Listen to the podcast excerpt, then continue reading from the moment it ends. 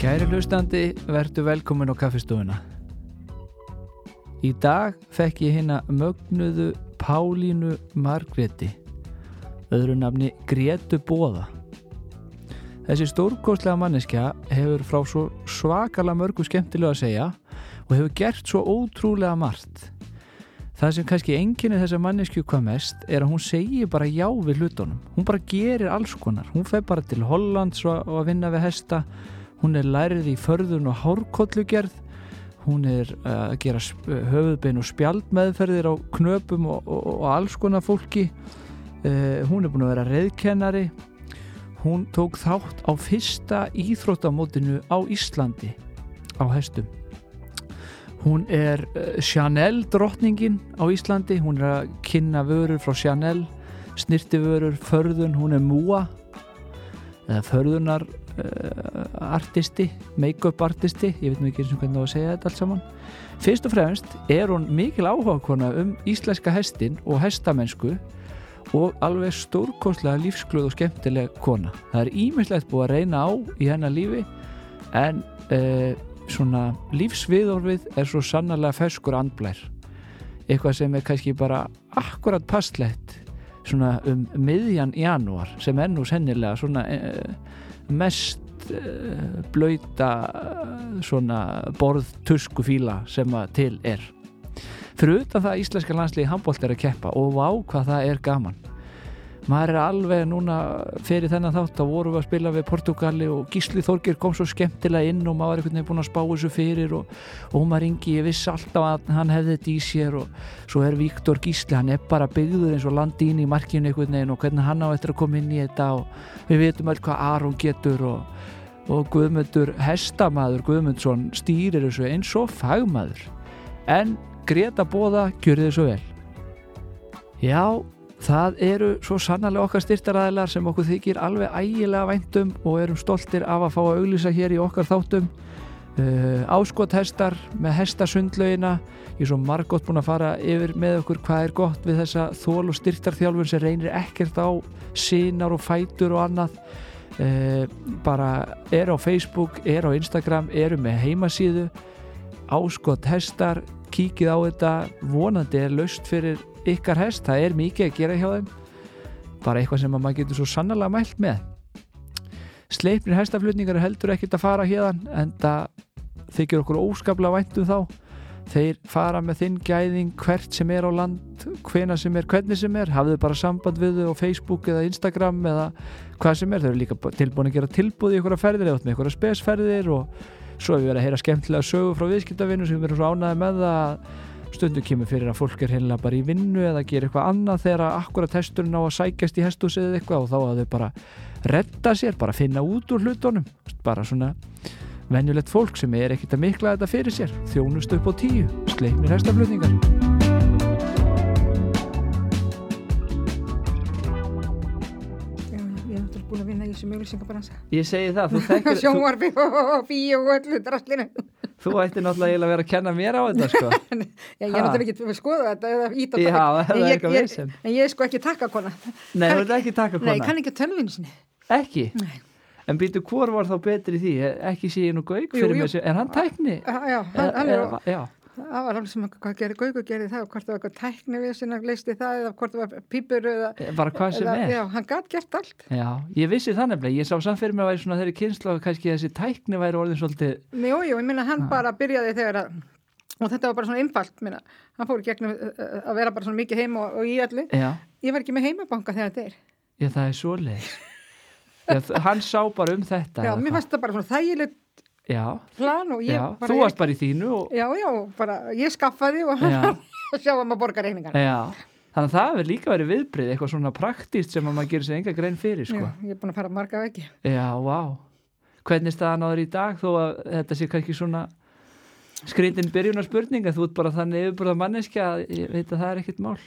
Jú, jú, ég meina, mér hugsaði, sko, til dæmis, hann var alltaf að fara með mér, maður dreif sér bara núna, var að byrja að snjóa, Já, svo ég ákvaði að drífa mig hérna bara austur í þetta viðtal, já, til þess að vera ekki bara innleiks á heiðinni, já, en, hann bara kyrði alltaf, eða kom Já. fór með mér, eða, já.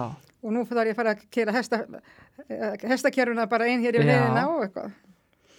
en ma þú massar það, ég er alltaf búin að sjá það hinga til og það verðist ekkit flækjast fyrir þér Nei, nei, maður reynir maður bara, þú veist. já, Það er oft sagt við mig býti, hvað er það þvælast einn? já, Mér finnst já. það bara ekkit mál. nei, en það er nokkuð Nei, nei. ertu ekki líka alltaf bara með það með þér Jú, jú, hann er með mér og, og tíkin, já, hún er út í bíl. já, ég sá hana, hún var spræk, hún sér um að halda þér Já. félagskap þú varst á leiðinu austur, ertu að býta þú ert að fara meðhandla er það ekki einhverja, einhverja, einhverja skakka og skjálta hestamenn eða hvað, Já, ég er að það er ekki bara þessi hestamennska og, og, og förðunin og allt þetta. Ég sko náttúrulega lærði í hárkot og gerð og förðun. Já. Ég er að vinna með það í 50 ár, hugsaður. 50 ár, ok, byrjum á því hvernig læri maður þetta, ég las og læri þetta bara í þjóðleikúsinu getur maður getur maður farið og lært þetta eða, Ég- Ég lærði þetta uh, á þessum tíma á sér, 1971. já, Þá, semst að ég var náttúrulega alveg svolítið upp í þjóðlugusunni vegna þess að ég er í ballett frá unga aldri, ok gömur ballerína já, og allir sé ekki bara svona fitt en þá. Jú, það hlýtur að vera mjög góð reyfing og þjálfur. Algjörlega, nema að svo er ég náttúrulega í barnaleikritum og alls konar svona í leikursunni. Varst alltaf sem sagt viðlóðandi Svolítið, já. og hafðir alltaf áhuga á þessu að koma fram og syngja og Nei, dansa. og... nei, nei, ba- já, dansa og eitthvað svona, ég syng Já. ekki eða, en, Nei. en, en í leiklist hen- endaði mér aldrei, en ég svona eh, teiknaði mikið, Já. hef verið mikið svona, og ætlaði að fara í handli, handið af, Ókei. á myndlistaskólan, Já, nema að á, áðin í gagfræðingu þá kem ég við upp á sminkdeildi svo kallað, það sem Já. harkótt okkur förðunadeildinni og, og hún náttúrulega þekkti mig mjög vel og ég spyr hvort hún alltaf taka í, í læri já, nema bara eða Já. svo leiðis. af því að þetta var hvergi hægt að læra þetta nema utan skóla frá Já. Breitlandi þannig að hún sagði nei, nei, nei, ég er með eina sem ég er búin að útskrifa og ég ætla ekki að gera meira nema svo bara hérna eh, útskrifast ég sem gagfræðingur Já, byrja aðeins, fer inn í eh, tek inn, inntökuprófi hand, handi á myndlisskólan og byrja þar aðeins hætti æ, nefndi svo einhvern veginn ekki, var ekki alveg stemd eða eitthvað ákveða að fara til Hollands í hestamennsku já, hafði kynst hérna á landsmótinu 1970 uh, hollenskri stúlku þegar, að- þegar að, uh, sátu við saman yfir nóttina þegar að eldurinn eða sem kviknaði hjá Bjarni Ben þegar að Bjarni Ben fórsetið sér að þeirra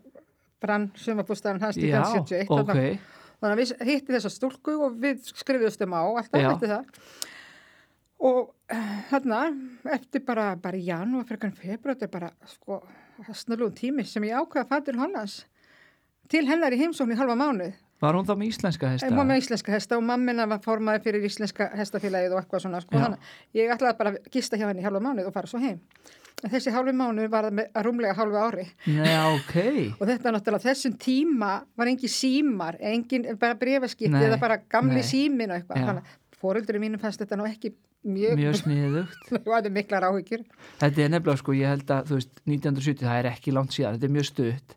En það er ótrúlegur munur að vera í dag svona úti í heilt árið eitthvað. Þú ert í öllum kontakt við þína fjölskyldu og vini og sérð allt sem er í gangi og e, en einmitt, þú veist, það tala svo margir um sem ég hef talað við sem að voru svona að fara úti mitt, að bara fá sko íslensku dagblöðin svo í íslensku flugilin og leðinni heim, það var bara fyrsta íslenskan bara í langan tíma, skilur já, já, passar, þú veist, þetta var alltaf öðru vísi já, já, alltaf nema þau, svo þældist ég frá þessu fólki, þau komið mér fyrir á, á, á, á fleiri stöðum og ég fór að vinna á hjá fólki sem heitir Faber þá var mér reyðskóla og, og, og svona voru að kaupa mikið íslenskum höstum og eitthvað svona þannig að ég fór þang og var þar með að, aðstofa við reyðskólan og, og, og, gera og græja og þarna voru sko ekki tísku að jafna hestana einu sinni, Nú, það var bara allir þau þurftu ekki með skefur Nei, það var bara allt skeifulist á Ok, fullur í ferð allan daginn sko. já, já, ekkert þessi Nei, það er nema og ég þvældist þarna um og fóti fleira fólk sko, fannst spennandi að fá svona íslenska stelpu og eitthvað bara svona Já, þannig að- já, nema svo kom að því stráku sem, að, að, sem sagt var þarna af næsta bæ við Fabi fjölskyldan að misti meirina sína og já, hún var undan nekva gamla ok, Svo gamall. já, og hann vildi fara og kaupa sér nýja meiri frá álfólum sko frá bara sama kynni ok og, og það var bara ákveðið 1 fyrir 10 þannig að ég fór heim þá Já, bara út af því í rauninni já, á, ég vildi bara, já, já, já. vildi leit sér núna bara. Já. þannig að ég fór bara heim, við fórum heim Ok, og hann kefti hrossa á, á álfólum ok, En þannig til, kom það til tals og svo var ég nú ekkert að vinna neitt að gera neitt nema vinkunum mín segir, heyrðu, komdu bara með mér norður mývat, ég er að vinna þar, þú getur fengið á hótelinu, komdu. já, Ég var ekki búin að vera lengi á hótelinu þegar að mamma hringir hérna og segir, heyrðu, það er búið að hringi henni frá þjóðlugusinu já og bjóð þær að koma Í læri. í læri. Já, að því þú varst búin að láta vita því þarna áður, þá vissu þú um væri áhuga sem ummynda. Já, og hún var búin að leita nafnum mitt uppi og myndi eftir að ég var stelpa í ballettinum Já. og það var skrifstofa og komin í að finna, Að finna út hver þetta var. Já, að því, að það er líka, byrju, að því þessi kona heitir tveimur nöfnum. Ég, Já, þessi Greta Bóða, já, hún heitir tveimur nöfnum ok, og það er alltaf vandamál. já. Hún heitir nefnilega Pálina Margrét Jónsdóttir. Það er nefnilega málið og ég vissi það ekki fyrir en bara, bara í gær þegar ég var að, hérna, aðeins að kynna mér meira að ég þekki alltaf bara sem Gretu Bóða og hvað þá sko bara Margrét er heilmikið lögkvöldin sko en þú heitir Pálína líka. Pálína Margrét. Já, Pálina Margrét Jónsdóttir, Já, ekki, Gre- eh, ekki Greta Bóða. nei. Og, og hvernig verður þetta alltaf að Gretu Bóða svo?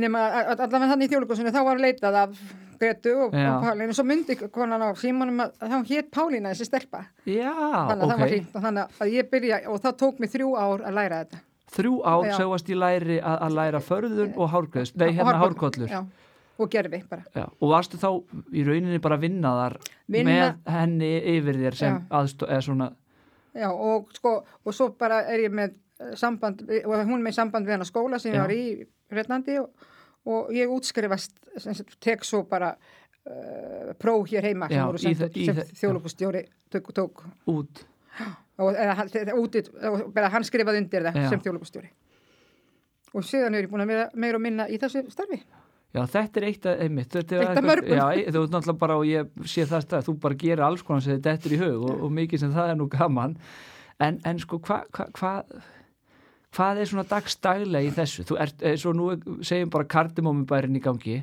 þá ertu bara að koma leikurunum í sitt gerfi og, eða- og búa þau til náttúrulega í fyrsta lagi að, þú Ég veist, hvernig náttúrulega- virkar þetta? ég er náttúrulega ekkert að vinna við þetta í dag Nei, en svona ég segja ef Já. þú værir Já, ég er ég svona þá að reyna- væri náttúrulega undirbúningur að hitta leikstjóra og, og, og gera og græja hvað hugmyndir er við leikmyndateiknar og allt þetta Já, og þetta er sam samvinna, hvernig hann á að útbúa og eitthvað svona Já. sko þannig að það er bara allt, alltaf mjög skemmtilegt s- s- verk sko Já. og þangatil og svo æfingar og allt þetta og fara að búa til hárkollur og Já. skekk og, og ég hef náttúrulega unnið mjög mikið til þess núna senustu árin eða bara síðan eiginlega Latti byrjaði að- að tróði upp þá, Já. þá er ég svona hans hægri hönd þar er, það, þú sást náttúrulega strax að þar væri nóg vinna fyrir hárkollu og förðunarmeistara því hann fer í náttúrulega allra kvikinda líki Já, já, þetta var bara svona eh, kom bara eh, óvænt sko Já, og þannig að það er svona eins og ég segi búin að koma á mörgum stöðum við, bæði í sjónvarpi, leikhúsi, bíói, já, allstað sem þarf og auglýsingu mikið. Já, til dæmis mikið með Vigdísi Fosseta já, á sínu Ah, tíma, ok þannig að það var dásalú tími. Alltaf Varstu þá bara að farða hana Já, og já. aðstofa hana við hvað Já. þetta að klæðast og svona, já, ímislegt bara. Vá, það er lítur að verið skemmtilegu tími Þetta bara allt skemmtilegu tími, þetta var bara, ég var mikið frílans eftir ég hætti, ég hætti í leikhúsinu, ég var ófríska bylgi, 84, Hvað varstu þá búin að vera lengi í, í, í því? síðan 71 70, já, og svo eh, á ég hrönn mína 86 já, og svo er ég þá svona frílans og stöð 2 að byrja og eitthvað svona á þessum tíma upp úr því.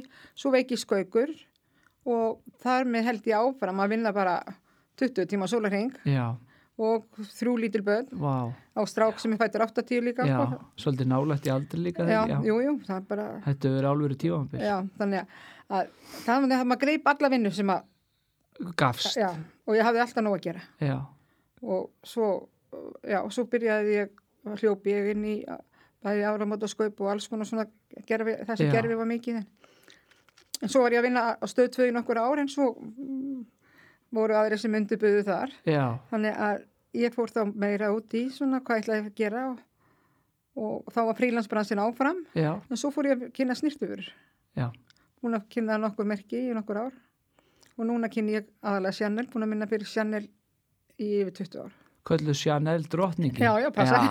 og ferði vel og ég he- ætlaði einmitt að hafa orðað, ég held að segja fyrsti gestur, þetta er allavega flottasta handtaska sem ég hef séð fylgja með í, í viðtal hérna. Stór glæsileg bleik Chanel taska. Já, Ah, já, algjörlega. Er þetta nýjasta línan hjá þeim með það? Nei, hún Nei. fann að fara til ára sinna þessa. Já. Það er alltaf nýtt og eitthvað hverju skemmtilegt Já. ári. Hvað er það sem gerir Chanel svona frábært?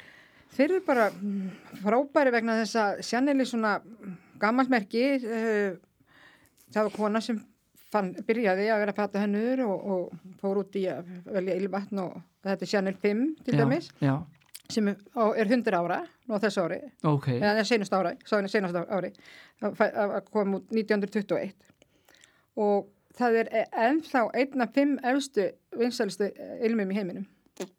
já ég hugsa sko ef þú ættir að segja bara nefndi eitthvað ylva þá nefna mjög margi, þú veist þetta er bara eitthvað sem allir vita eh, er til eða Þetta, skilur þetta var fl- flottasta sem þú gast gefið ungur konu Já. hér áður fyrr.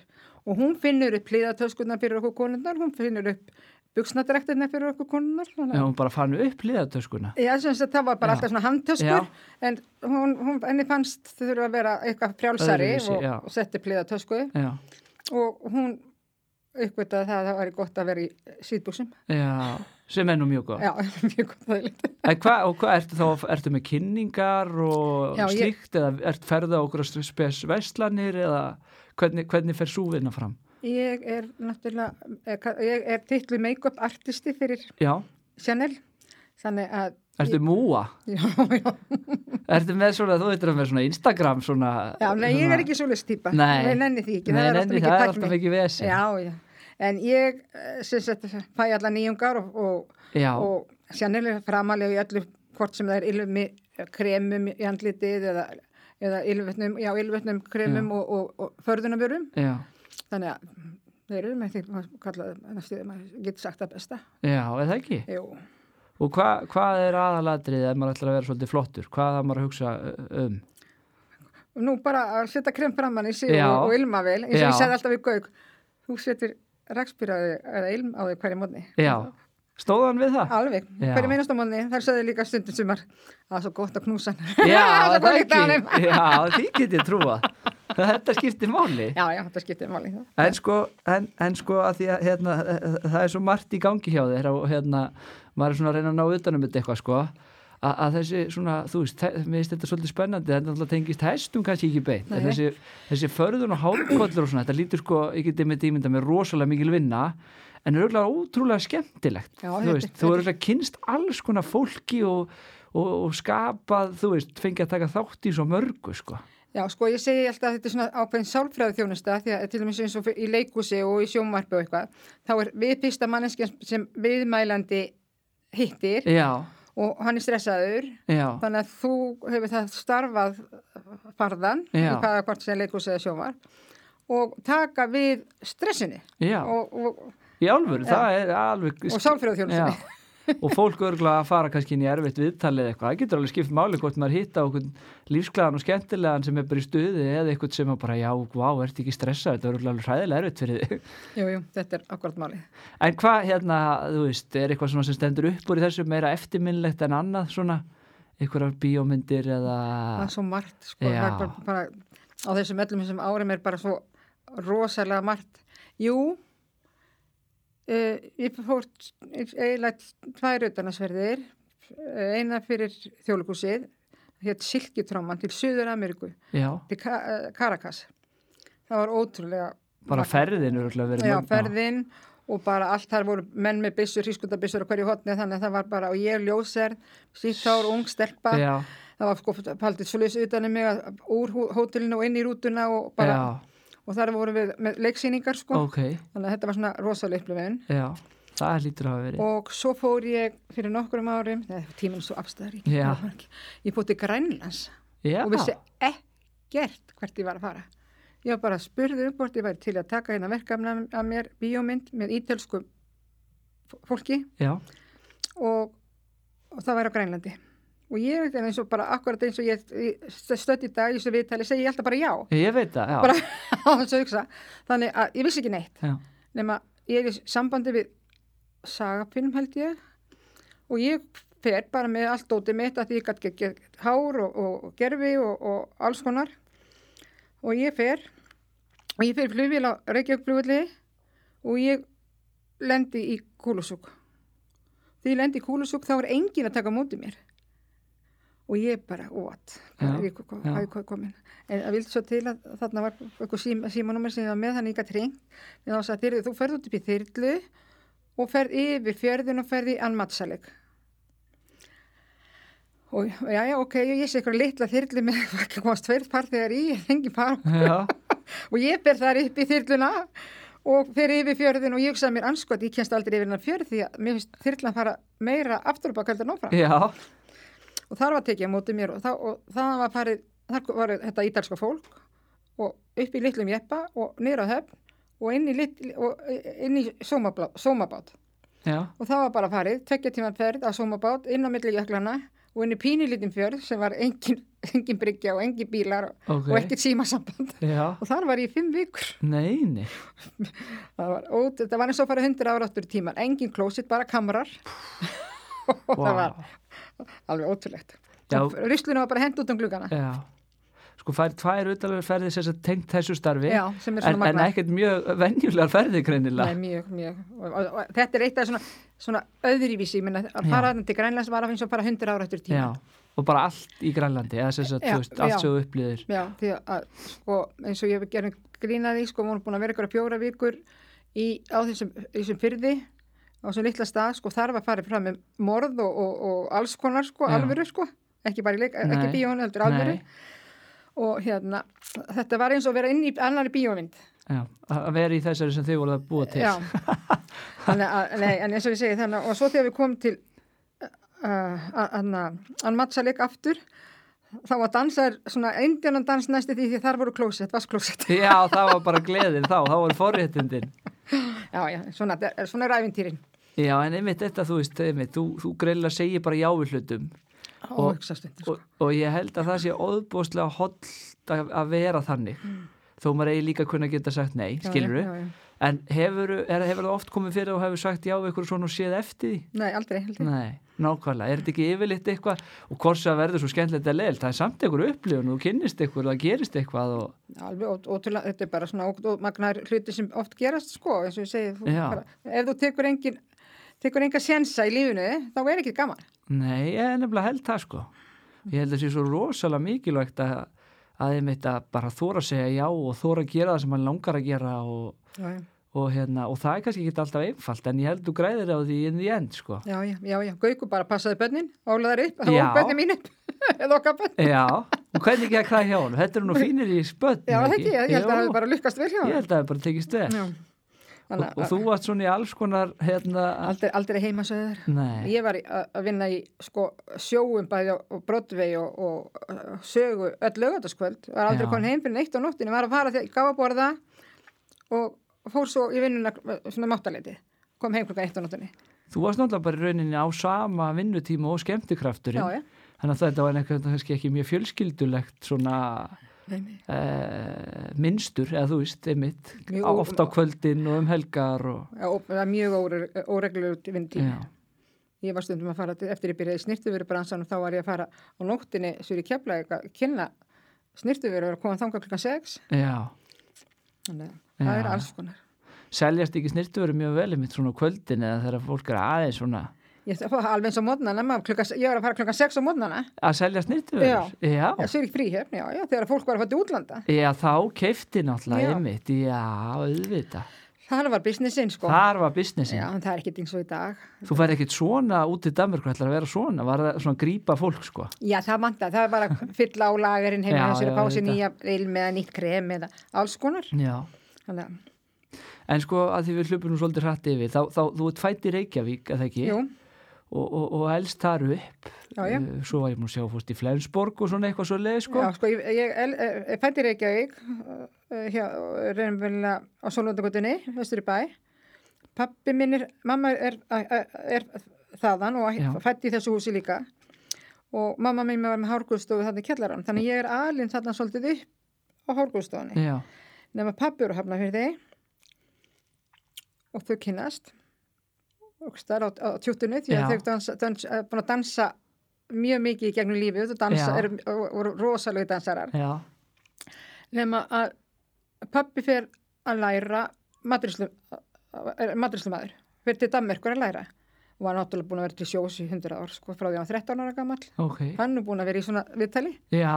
Já, það er til pop- popkast frá honum. Hva, honum. hvað getum við hlusta á það? Um, hann, um, gegnum hann Birgiturlíf. Já, hún er með ykkur. Nei, hún er ekki með þetta, heldur var, þetta er inn á hennar síðu, þú getur Já. fundið þetta vegna þess að, að, að hérna, það var einhver strákur sem að, ég man ekki hvað hann heitir, sem tók þetta upp. já, þú getur fundið það. ég þarf að hlusta á það Ótrúlega magna, Já. það segir skemmtilega svo. já, Þetta, er- þetta er ekkit gammalt, nei, kannski tveggja, tveggja ára. ok það væri gaman að hlusta á það Já, mjög. bendum fólki á það að það vil byrja á því að hlusta kannski á Já, pappa þinn og já. svo getur það komið að hlusta á þig Algjörlega, algjörlega. Nefna að hérna, uh, nefna það allavega hana verður það til að pappir og hafnahyrði og hafði k- k- ungu maður þegar hann var til sjós kipt lóðir í Garðabæ, Garðarepp já, og var s- eitthvað vina fólk afa á, úr sjó, af sjónarhól. Ég hef verið ætti af sjónarhól og hafnahyrði sem er náttúrulega frægt handbólta lið afi minn og amma gáfi sjónarhúshúsi sitt Já. og- til FH, já, þess að FH gætt byggt kaplakrika já, þess vegna er uh, það kapp, kapp, kapparkriki þannig já Þa- þannig að það er það er bara svo að gera- fyndið, það er svo, mann, sko, fyrir mér sem elst upp bara alltaf er til bara FH og Já. KR og eitthvað, mann finnst það svo gamla stofnanir og eitthvað, en það er svo stutt síðan þetta varð allt til, eða sko já, þetta er svolítið merkilegt. þetta var mikil íþróttarheiming þarna heima á Sjóna Hól sko, Birgir Björnsson bróður pappa mikill handbóltamaður Já, og landsliðin og allt það að, og þá bara fannst þeim þau þurfa að styrkja íþróttarheiminguna þannig og gáðu þetta stóra mikla hús sem er svakalega stórt sem Já. að allir þekkja sem hafa farið í hefnafjör já, og gáðu það sem sagt. til þess að fólk Já, getur já. stunda og þess íþróttir. vegna heitir samkomisalurinn í Kaplakrika Sjónahól Já, þetta nú erum við að koma með þetta á hreint sko. það er margir sem vita þetta ekki Nei, nei, það er alveg rétt. En sko, hestamesska, Greta, hvaðan kemur hún? Já, svo, já, já, þannig að svo, sem sagt, flytjum, svo vil pappi fl- byggja í Garðabæ, eða Garðarheppi og þannig að hann byggir og við flytjum þangar og hann byggir þetta hús og þetta þetta er svona stórt og mikið hús á þessum tíma Já, og, og um áramóti 60-61 þannig að ég er þarna nýja ára þegar Já. ég byrja í skólanum þar nema að svo er ég svona dýra kettling en aldrei farið í sveit, aldrei farið í sveit ok, og var bara helst búin að ná mér í einhver korpa eða eitthvað, eitthvað staðar og koma heim með þetta og eitthvað.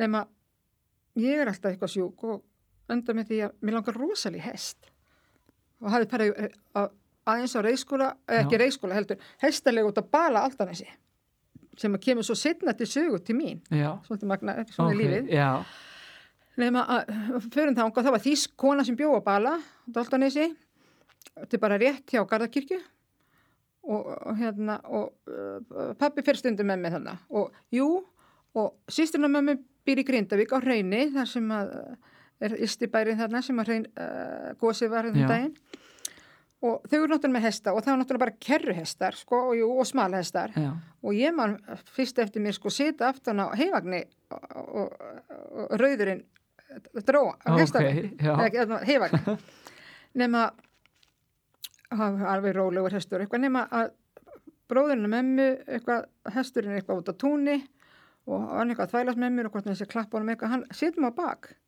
þannig út á túnni og, það, og kringum túnin er hlæðslu, bara hlæðslugirðing sko nema hann snýr sér eitthvað við, nema hesturinn bara lípur og gafa litla barnið bara á baki já, ok, og, og það var bara að fara upp í bíl og kýrt fyrir endan og allavega ég ekki ekki, þetta ekki ok, þarna kemur svona kannski eitthvað í mig flestir þeim eru kannski bróður rættir. Já, nema allavega ég hætti ekki og ég alls þar sem voru hestar og eitthvað og, og ég man að ég fór sko hérna inn í fák og horfa á kappriðar Já, nema eftir, ef, ég ætti pening eftir ég femtist þá var það bara að kaupa hest fyrir peningapenningana og, Já. hvað- og engin í hestamennsku í Nei, fjölskyldu, nei, það- að- engin, hvergi, eða? Hvergi. Nei, hverki Jæja, nema pappi fer á stúfana og hérna og það eru svona kallar hann í garða, garða, garðarheppi, nei, já, garðarheppi sem eru með- svona s- tengja sér saman sko og hann fer eitthvað að spjalla við á eitthvað nema þá er einn sem að hérna Maggi Matt sem að er nú li- ennþá lifandi Já. er einn af þessum köllum Já. sko ekkert mikið heldur en ég samt já, nema hann hefði, hvort að, ég mig minnir það að hann hefði komið með einhverja hesta í rekstir eða eitthvað á norður og skafafyrði og einn af þessum hestum var grár, stengrár kannski f- bara fimm, fjagra, fimm vitra og hann selur manni sem heitir Jón og Grund og Daltanesi þann hest og það einhverju hluta vegna er hann að þvælast hann í Arnalismýrinni og eitthvað og, ég bara, og það enda með því að ég kaupi hennar hest já, lítið tamin, Já. finnst ekki neitt sko. nei, og, hérna, og þessi hestur var grár, hvort það hétt steini eða hvort það kallanir byrja að kalla hann Steina en kallin sem ég kipt hann af hitt Jón, þannig að hann hitt Steini Jóns þessi hestur, Já, já. þessi fræga nafni það segir sér sjálf Já Nefna að hann var hann í Arnanesmýrinni sem að, að bara voru byggð í dag og, og allir hestan sem voru þá var ekki bara nokkur kallar hann bara, í- og ég var bara eina stelpan sem þældist með þeim já, og, hérna, og ég var að gera svo vel að fara og sækja hestin minn út í mýri og það var náttúrulega bara stanga mér já, og setti upp í hestin já, og, og ég var ekki að svona setja nekkin á sjálf veist, veist, að svona þakka bara fyrir að þetta var að fara í lagi já kipti bara gamlan nakk og eitthvað og þetta dinglaði ég á þessum hesti með kallan á brokki í tvö ár já, og hann var bara það, að- hann var mjög dindóttur Já. hann, fór- eh, hann fór aldrei einn með minn nema hann bara prjónaði söttu bara skatið það bara eitthvað nema eitthvað vegalengt og bara heimáttur nema þessi hestu var svo oft líka bara fyrir framann eldúsklukkan heima hjá pappa mömmu já, túninu þar og hann bara var í eldúsklukkan til þess að ná sér í bröð og, já, eitthvað. já, og skemmtilega og þú gast alltaf kallaði í hann, hann kom já, já þannig að hann var svona orðin hendur hændur ykkur Nefnum að svo bara allt í hennu fann ég bara einn daginn að hann fann að taka einhvern veginn öðru í þessu spóru eitthvað og þá kom tölkið. já, þá fannstu hvað tölt var En, en, en þetta, var, þetta var byrjunin já, og, svo, og þessu hef ég ekki hætt. nei, einhvern veginn verður maður að byrja Já, Þetta er ótrúlega gaman að heyra sko að því að þú veist ég held að það sé líka alveg um öllum holt að þú þurftir svolítið að hafa fyrir þessu, þú veist sannað og hefðir áhugan skilur, þetta var ekkit sko ég ætla að segja þér það að sko húsakinnin sem ég var byrjað í, já, það var gömul svínastíja niður við læk rétt hjá heima hjá mér þar sem að íþrótahúsi í Garðabæ ligg- stendur núna, Já. nákvæmlega þar. Það var, ekki, sko, það var ekkit vatn og það var bara svona eh, kjarna, bara einn pera sem hún kveiktar á og þar voru sko náttúrulega villikettir og alls konar já, blómar. já, og maður þetta móka og, sk- og, og, og gera allt og maður þetta fara út í læ- læk og ná í vatn já, já, og brjóta klakan já bara, að maður þess getur, að koma því bara eins og í janúar og februar og svona maður getur rétt ímynda sér sko vinnun og fyrirhöfnina og meðan eh, krakkan skólusískin mín voru í sjoppinni þá var ég mjög skrítin já, að vera í sko. hesthúsinu já og þurftir að hafa heil mikið fyrir því, sko, algjörlega, ég þurfti að, að, að sjá um þetta allt sjálf en þessi batteri hefur aldrei sloknað, nei, svolítið merkilegt já, og þú hefur alltaf verið með hesta já, og, og, og fóst þarna til Hollands og, og, og, og vannst þar náttúrulega bara við hesta já, já, alveg. He, hefur þú svona unnið beinlínis við hesta meira en það? já, já.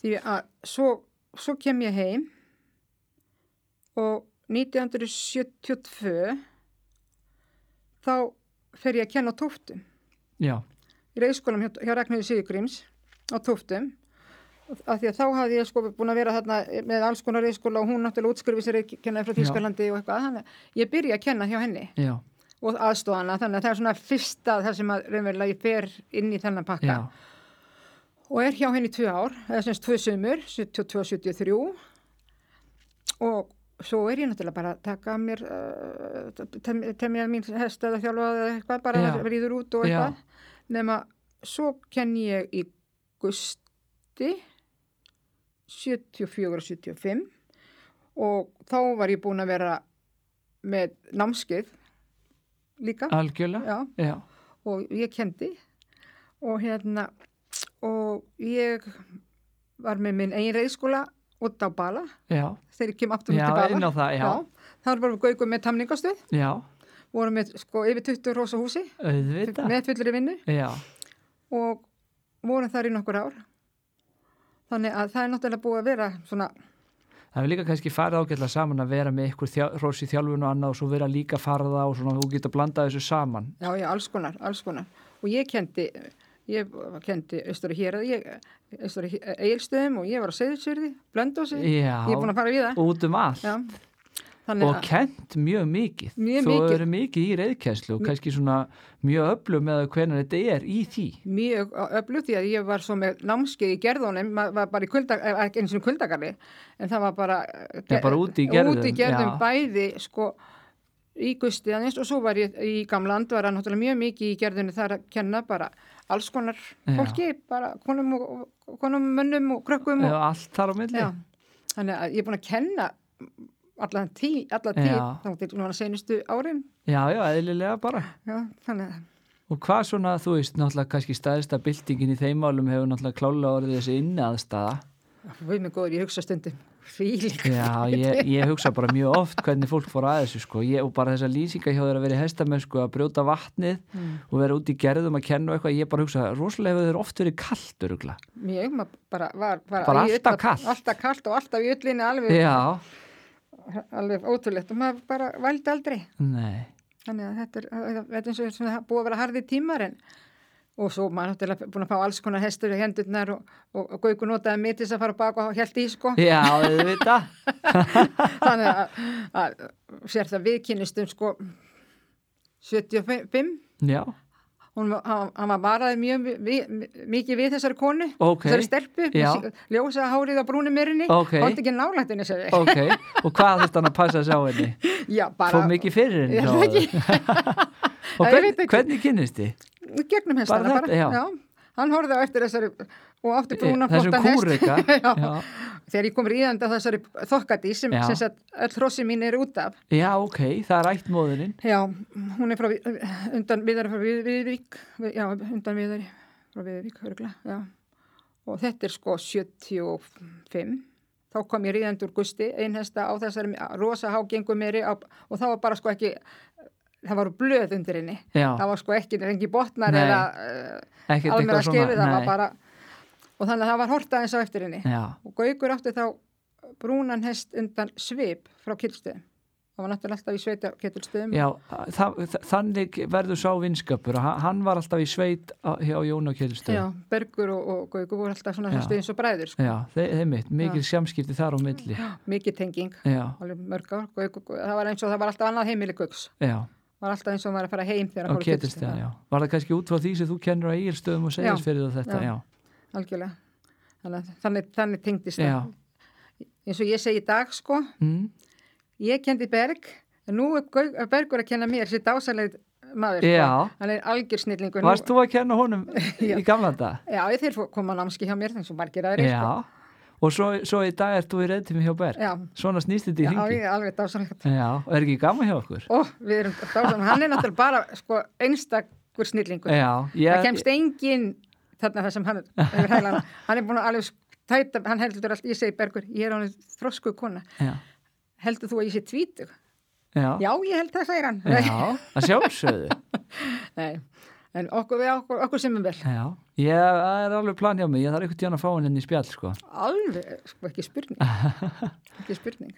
og hérna, já þetta er skemmtilegt þannig, Já, að þannig verður þetta og þið kynnist og, og er í þessum hestum og hann náttúrulega með mikið náhuga á hestum líka Já. hann gaukur og þá náttúrulega verður þið örugglega ennþá veikari fyrir þessu öllu saman og Já, já, algjörlega. Og ég kefti, hann var svona meir til hliðar. mm, þú varst dugleg við það að sína eins og keppa og Ég var eina af þeim sem kefti til dæmis á Asa, maður veist hvað Asavellurinn er? sko í, í gusti þá eða? Nei, í fók. í fák, Það var a, pappi Raka Hinriks, já, hann átti hest sem hétt Asi já og, og pappi Raka Hinriks uh, gerði þennan völl. Þetta er fyrsti keppnisvöllurinn sko, hvað þetta er, 200 metrar eða hvað, hvað Já. svona, eh, svona Já, keppnisvöllur, lítill já, keppnisvöllur.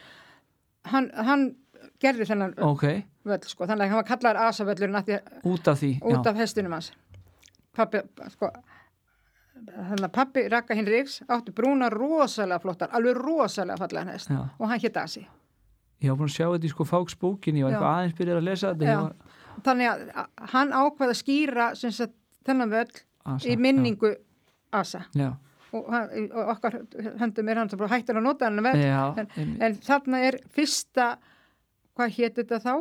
Evrópumót Já, hvað hét þetta? Evrópumeistaramótið, Já, þá- eitthvað þetta var svoleiðis. svona fyrsta eh, Já. íþróttamót sem að keft já Þá var það, ég og Raggi... Keftið þú bara á fyrsta íþró, ís, íþróttamóti á Íslandi? Ég, Raggi Hinriks og Bitti og... það er vígalegt. já, Það, það ekki finnst mér þú nú vera mjög fullorðin, en þetta ertu búin að aðreika. Þú, já, það, það, það getur enginn toppa þetta. Bara þegar einhver er að segja eitthvað um íþróttakefni og segja, já, ég bara kefti á fyrsta já, íþróttamótinu. já, þá var ég á þokkadís. já, og hvernig gekk? Ég held ég verið öðru sett og Bitti fyrsta. Úf! Og varst í hvaða grein eða? Já, voru fjór gangallavana Já. og tölti allavega ekki verið hvort vekja, bara maður veit ekki. Já, Það er til vídeo að þessu, að mér pappi var svo duglegur að koma með 8 mm velina já þetta þarf að koma inn á YouTube eða eitthvað. Það Já. væri skemmtilegt. og meiri sé að get ég sagt að ég sé frumkvöðl, Já, mörg okkur stöðum, já, að sko 75 já, 1975 ég, já, ég get byrjað á sögunni. Uh, 72 eða 73 þegar ég er að kenna á tóftum þá koma þískar stelpur hjúkur og fá að fara á hessbakk eina helgi. Verður svo til að það var einn sem tengis mér og við erum, erum alltaf vinkonur og hún var sjúk í hesta og var búin að vera á stórum hestum og eitthvað. Nefna að hún plata mig 1975 að koma til Þískarans á reyðskóla á stórum hestum. Stórum hestum, ok, skal ég segja. já, Nefna að það er Marbakk, heitir það, og það er stór uh, rektunarbú sem að, að eh, eru sko fullt af mönnum sem að eru bara í vinnum eða þjálfa græðstana og, og meirarna sem, sem voru í lægi. En ef að meirarna voru geldar þá voru notar í þennan reyskóla. Þannig að ég fer í mánuð á þennan reyskóla að hespakt á stórum hestum bæði, bæði verklegt eða hespæki og, og hvað segir maður, verklegt og munnlegt já, Eða já, skóla- bó, já. bóklegt já, eða- bóklegt og þannig að ég var hann í mánuð var rosalega erfitt Já, mér hvað sko segi, mér er búin að ríða út allir sár við minn góður, já, það var maður sko látið sitta á brokki og klemma og keipa og já, af því þetta voru eh, hestar sem að voru þá ekki, ekki eh, merar sem voru þá eh, eh, eh, geldar nema að ég seg, sko, ég hef aldrei fengið eins og mikið rassari nei, á nei. æfinni eftir þetta ekki eins og eftir langa hestaferðu nei, nei, nei, nei, og, sko, og, og, og það var svo erfitt og, að hérna, þú varst látin ríta ístæðlaus brokk og, bro, að, og tíminu saman kannski já, og valla þakkaði fyrir að komast úr hestus, hestúsunni yfir á næsta bekk til þess að setjast já, það er svoleiðis en þetta var rosalega skóli já, ég get trúið því eftir þetta held ég bara á kvítasunnukapriðum allir sé ekki þá 76, ég er hérna 75 eða þetta er ekki um sumari það þannig bara pæli þessu þá er ég með fyrstu síningu á hvað kallar þetta, myndur kalla þetta hlýnisæfingum já, á ringvellinum á ringvellinu á, á, í fák já, fyrir framann dómpallin þannig að það var svona upphæða svo hlýðinni keppninni og því sem var á Íslandsmóti og svoleiðis eða Nei, þetta var bara, bara dressúrsýning eins og Já. er hérna bara ef þú ert að horfa á bara hér á, í reyðhullanum í dag Já, bara gæðingafimi. Já, bara geðingar fyrir Já. mig að þannig, það Já. var nættur ekki svo mikið en þetta Nei, voru nei. svona Í áttina ákveðna að því. eh, eh, reiðleiðir Já. Mhm. og, og eh, munstur, munsturreiðir Já. umverulega, á ekki Já. kalla þetta Jú, það má munsturreið. alveg. Já. Og þar stóð ég á miðjumvellinu með gjallar hótt og, og, og stýrði þessari síningu. Nei, nei. Og þetta var í hlýi á, á sem sagt, kapriðum, kvítasunum kapriðum. Ok. Þannig að það er, Já, þetta hefur verið gaman. já, og það var svo fyndið að það er til myndband af þessu. Ok, þú verður að fara, við þurfum að finna þessi, þá að sjá þessi vídeo. þannig að, hérna, að að því að Viðar Haldarsson kom að máli við mig á, á hérna, heimsmyndstarimótinu í Hollandi s- Já. senasta og segir, Greta, heyrðu, ég var nú bara að sjá mynd af þér hérna inni í, í Íslandstjaldinu við að minn, það getur ekki verið því að- eh, þú ert að taka feil Já, Nei, sagði hann. Færðu bara inn og gáðu. Það er bara fyrsta sem ég sá þá að ég bara í full screen með andlitað á mér með gjallarhótt já. að stýra og þessari sýningu. Já, ok. Og þá voru svona klipp úr sko uh, hrindirunastökki og svona gömlum, Já, gömlum já. klippum. Og ég var einmitt eina af þeim á þessum tíma því að þetta var þarna uh, í kringu þess að Asafellin var að byrja. Að ég var í nefnd að búa til uh, le le leikreglur um hrindirunastökk. Ok. og uh, hvernig ætti að dæma þá eitthvað. Já, Þannig að, hefur kæft í hindrunastökki? já, já, þetta var ekki alltaf þessum tíma. Já, og varstu góð? Já, já nokkuð. Já. Það var bara skemmtilegu tími. Já, þetta verður svona, það er svo mikið í gangi og svo mikið í fyrsta skipti og verður að Nýtt og- prjóa og já. Mm. eitthvað nýtt og þú veist, það eru rosalega margir sem tala um að núna í dag sé rosalega mikið búið að þróast á stöðum tíma Mm. en það er eiginlega alveg sama stökk á þessum tíma sem þú ert að tala um að þannig er bara allt að gerast varandi það hvern, hvernig ætlum við að keppa á hestunum okkar og hva, hvað hlutverk færan skilur og þú veist þetta verður ekkert verið síður svona grósku tími Þetta var rosa breytingar og bara Já. ásettu breytingar og eitthvað Já. sko. Og ég man að við vorum, það var svo, þetta er náttúrulega svo stutt eftir að ég er búin að vera á þessum reyðskóli í Þýskalandi sem var- var svona ofsælega áherslu á, Já. á, á ásetu að við vorum að, uh, bara að æfa fyrir þetta mót sem að við vorum að gera og, og reynir er eitthvað að taka, uh, að taka okkur í gegn og eitthvað, bara svona að segja okkur til og eitthvað þegar það var að áttum að sko tala um hvort annað eitthvað og þá segir hann, og hvað finnst ykkur um að brokka ásettina hjá Gretu? þá segir hún, já, ég veit hann ekki en þá sagði reynir, já, ég er nú bara sjálf að hún bara sogaði sér nakkin því Já. þá var ég orðin svo föst í Já, það stóð einmitt, góðið sem að við þurfum, þurftum svo að læra kannski Já. þess að ríða brott. Já, gefa mjölmennar Já. eitthvað, soga sér nakkin eins og reynir kallar En svo- þetta er það er bara fín- þetta er bara það- það er bara fín setning, Já, já. soga sér í nekkin. Já, já. Æ, það er bara margt, margt margt sem rífist upp þegar maður bladra svona. Það náða að vera. En sko, hva- hvað hva veitir svona kannski hafa verið mestu breytingarnar eins og í reyðkjenslu? Ég meina, vændalefur að vera á þeim tíma þess að voru 20-30 nefndu saman í gerði. Já, við vorum svona tólf. Jæja, En 12 er náttúrulega Já. gíkandist með það sem við erum að gera í Ég dag. veit það, ég veit það. það er mesta breytingin og þannig að einbyttaður mjög mikið af, meira af hverjum og einum nefnda Já, og meiri nákvæmnin, meiri reyðmennska, þú pæli meira í hvernig hesturinn ber sig, þannig að gastu bara að vera með sko, nefi upp í loftið og, og, og, og svo bara reysta áfram og, enginn að Þetta er- pæli því þannig séð. Nei, nei, nei, Nei. enga minn. Fyrsta sem þegar ég byrja, sko, náttúrulega þá var hérna bara stangir og þegar mann ekki hvort það var eftir reis, sko, veruna minn í Hollandi eða, eða hvað, þegar ég var farin að nota hringa mér, þá gerðu gömlu kallanir grína mér vegna þess að ég riði bandbeisli. Já. Þetta var bara teimingabeisli, Já. sko. Á En þessum það- tíma. Já, þegar- en, en það þótti hlægilegt. já, já. hvað, hvað ég væri klikkuð. sko. Já, En, en svo er þetta, var þetta besta sem maður riði við í dag, já bara hringa mér. nákvæmlega ringa með svona mest megnist, þú Já, veist, já. auðvitað er stangi frábær og það eru notaði með og allt það. Já, ég riði stangir. Já, og töluvert. er það Mér ekki? mér já. meina núna, Lok- fekk ég eh, skemmtilegt frá sér hendunar. Já, það er með mjög skemmtilega rissu núna. Uh, hún er út af, uh, Og hérna, veistu, hún, hún er raunverulega út af þokkadís. ég ætlaði að mynda að segja, hlýtur að vera alveg tenging, sko. já, já, já, það er bara, er, þetta er bara einn fjölskylda. Já. Þetta kemur allt, allt uh, garðabæðakynið er Já. út af þessari rissu. Já, Gaugur sagði alltaf, ég á engan hest. Já, einmitt. Þetta er bara þig. Já. Þú átti bara þess að þetta. Það var bara alveg börnin. Já, hann var alveg fyrst, hann gerði grínaði, ég á engan hest, ég á engan hund, en alltaf með tvo hunda í rassinum. Já, en sko, örgulega svolítið gaman einmitt að, að, að rissin sem þú ert með í dag er út af þessu bara sem þú byrjaði með, skilur. Algjör, algjörlega. sko. Þetta er algjörlega þi- þi- þitt eða ykkar skilur. Já, mér stú, það er me, meira gaman. Já, það lítur að gefa svolítið. Sérstælega þegar hrósið er svolítið gott og Já, já. þú veist. Ég, þarna, ég held ég væri alveg hægt að keppa. Já. Og ætlaði ekki að fara að keppa meira. Nei, og svo fekk ég þessa skemmtilegu hressu hugsaði að þið verður að fá þessa hressu vegna þess að hún er heil í hausnum og, og geti verið skemmtileg já, og svo, svo fór ég að baka og hugsaði mér ah, ég var nú búin að vera með sko, hressur úr ættinni og eitthvað svona ekki líkt þessu nei, þannig að þá fannst mér allt í hennu eitthvað tikka inn að ég þyrfti að gera eitthvað meira heldur en bara að sittast á bak og Já. eitthvað þannig að hérna að Bergur var búin að vera á bekknu hjá mér já, aðeins já, og af því það er svona hestamenn sem eru að koma í höfubinn og spjaldriks meðferðna Já. hjá mér þannig að þá segi ég við hann hvort að maður væri ekki bara ekki sniðut að ég gerði eitthvað ætla að fara, þó ég fæ ekki nefnir hvenna töltið eitthvað sko. já, bara ge- hafa Ekki- eitthvað að ekki, stefna. já, já, ekki gera með, uh, skamma metnaðurinn er alltaf svo mikið Já. sko, þá maður- þú er svona Þú- þroskaður. Hann má aldrei degja, sko. Nei, nei, ég minna allavega en ég hef mjög mikið metnað. Já, Jú, jú, svo enda með því og þannig að það hefur orðið mikið breyting já, og svo fór ég náttúrulega að keppi kvennatöftu og Já. gekk vel og, og svo hérna í fyrra þá dettur út úr Óla tengda sinni hvort að ég væri ekki til í að vera með mér suðurlandstendili. já, Ég segi, Ólafur, ertu eitthvað klikkaður?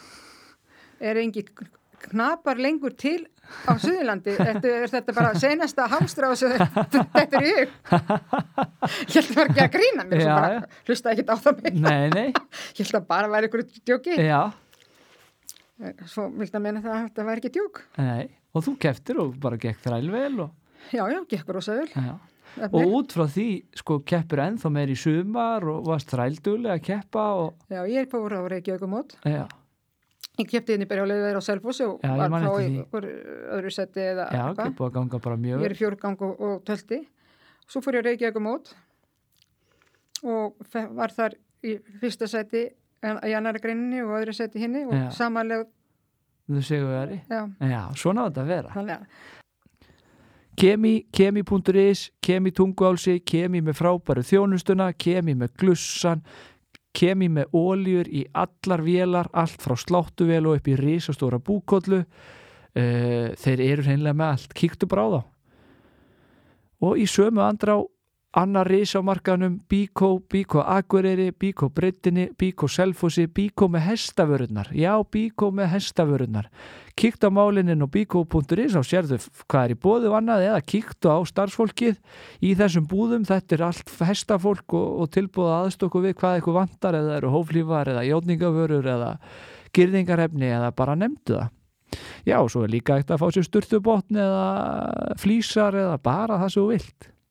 Bíkó, bíkó.is En sko það sem er það sem er svolítið gaman held ég sko einmitt þetta að þú kannski finnur aftur að þú varst kannski hætt þessu í runni já, en finnur ekki hvað þetta er gaman sko að þú veist, það geta allir verið að keppa og þú getur verið með markmið skilur og það er pláss fyrir alla í rauninni og, og hvað það er stór hluti af þjálfunni líka að vera með eitthvað markmið ekki bara þjálfa til að þjálfa heldur þú ert að þjálfa og þér finnst það gaman en það er rosalega gaman að vera kannski ég, þú ert að þjálfa og markmið er að standa sér vel í fjórgangi söðlandsteldinu sem er kannski næsta verkefni hjá ykkur skilur já, já. það er svolítið skemm, það verður þjálfunin svona markvissari Já, já, miklu meira skaman og þú finnur og hefur árangur. já, Það er eins þú og veist- Bergur segir, sko, að versta sem við gerðum að taka ekki að þið víti og þú byrjaðir. já, bara til að sjá Já, þróunina það er búið að vera svo rosalega Já, og ég sé það, skilur, Já. og allir í kring sjá það, en það er einmitt, og það er það kannski sem er erfitt við það þegar maður er að bæta sig alveg saman hvort það er í hestum eða hlaupum eða fótbolta eða bætingarnar eru svo litlar og þú sér það sem reyðkennari en maður kemur kannski á mánuða frestur að hjálpa ykkurum og við sjáum rosa breytingu en knapi sjálfu sér ekki sér litlu skref sem kom á hverjum einasta degi þannig að honum finnst ekkert vera að gerast Nei, nei, nei, nei. Þú veist, alveg svo í ræktin að lifta 5 kílón, svo ertu alltaf konu upp í 15 kíló, en því finnst það samt ekki nóg, skilur, þú áttaði ekki á því hvaðan þú komst. Nei, nei, nei, það er akkurat má- málið. Þú veist, það er þessar litlu bætingar. Já, já, já, og ég er enn í, í þjálfunabúðum hjá Bergi alveg Já. frá og hörðin bú, hörður í bara, já, Já, hann er bara ætlar ekki að gefast upp, hann Nei. ætlar bara að koma í gang aftur. algjörlega. Og þeir eru á flottir leið með það. Já, já, ég held að hann er bara, ég held að hann sé að vera ánaður. það er gott. en, en, en, en annars svolítið skemmtileg vingill að því að þú verðist bara að gera allt að þá ertu líka mjög mikið og svona fyrsta skipt sem ég heyra af þér það er í gegnum þessu höfuðbein og spjaldmeðferð Mm. uh, í gegnum bara þegar ég var eh, hjá Guma Björgvin sem hefur náttúrulega verið mjög duglegur að fara til þinn í, í meðferðir og, Mhm. og bæði þá varstu með þá á bekk og svo varstu að fara með þá í sundi og alls konar Já, já.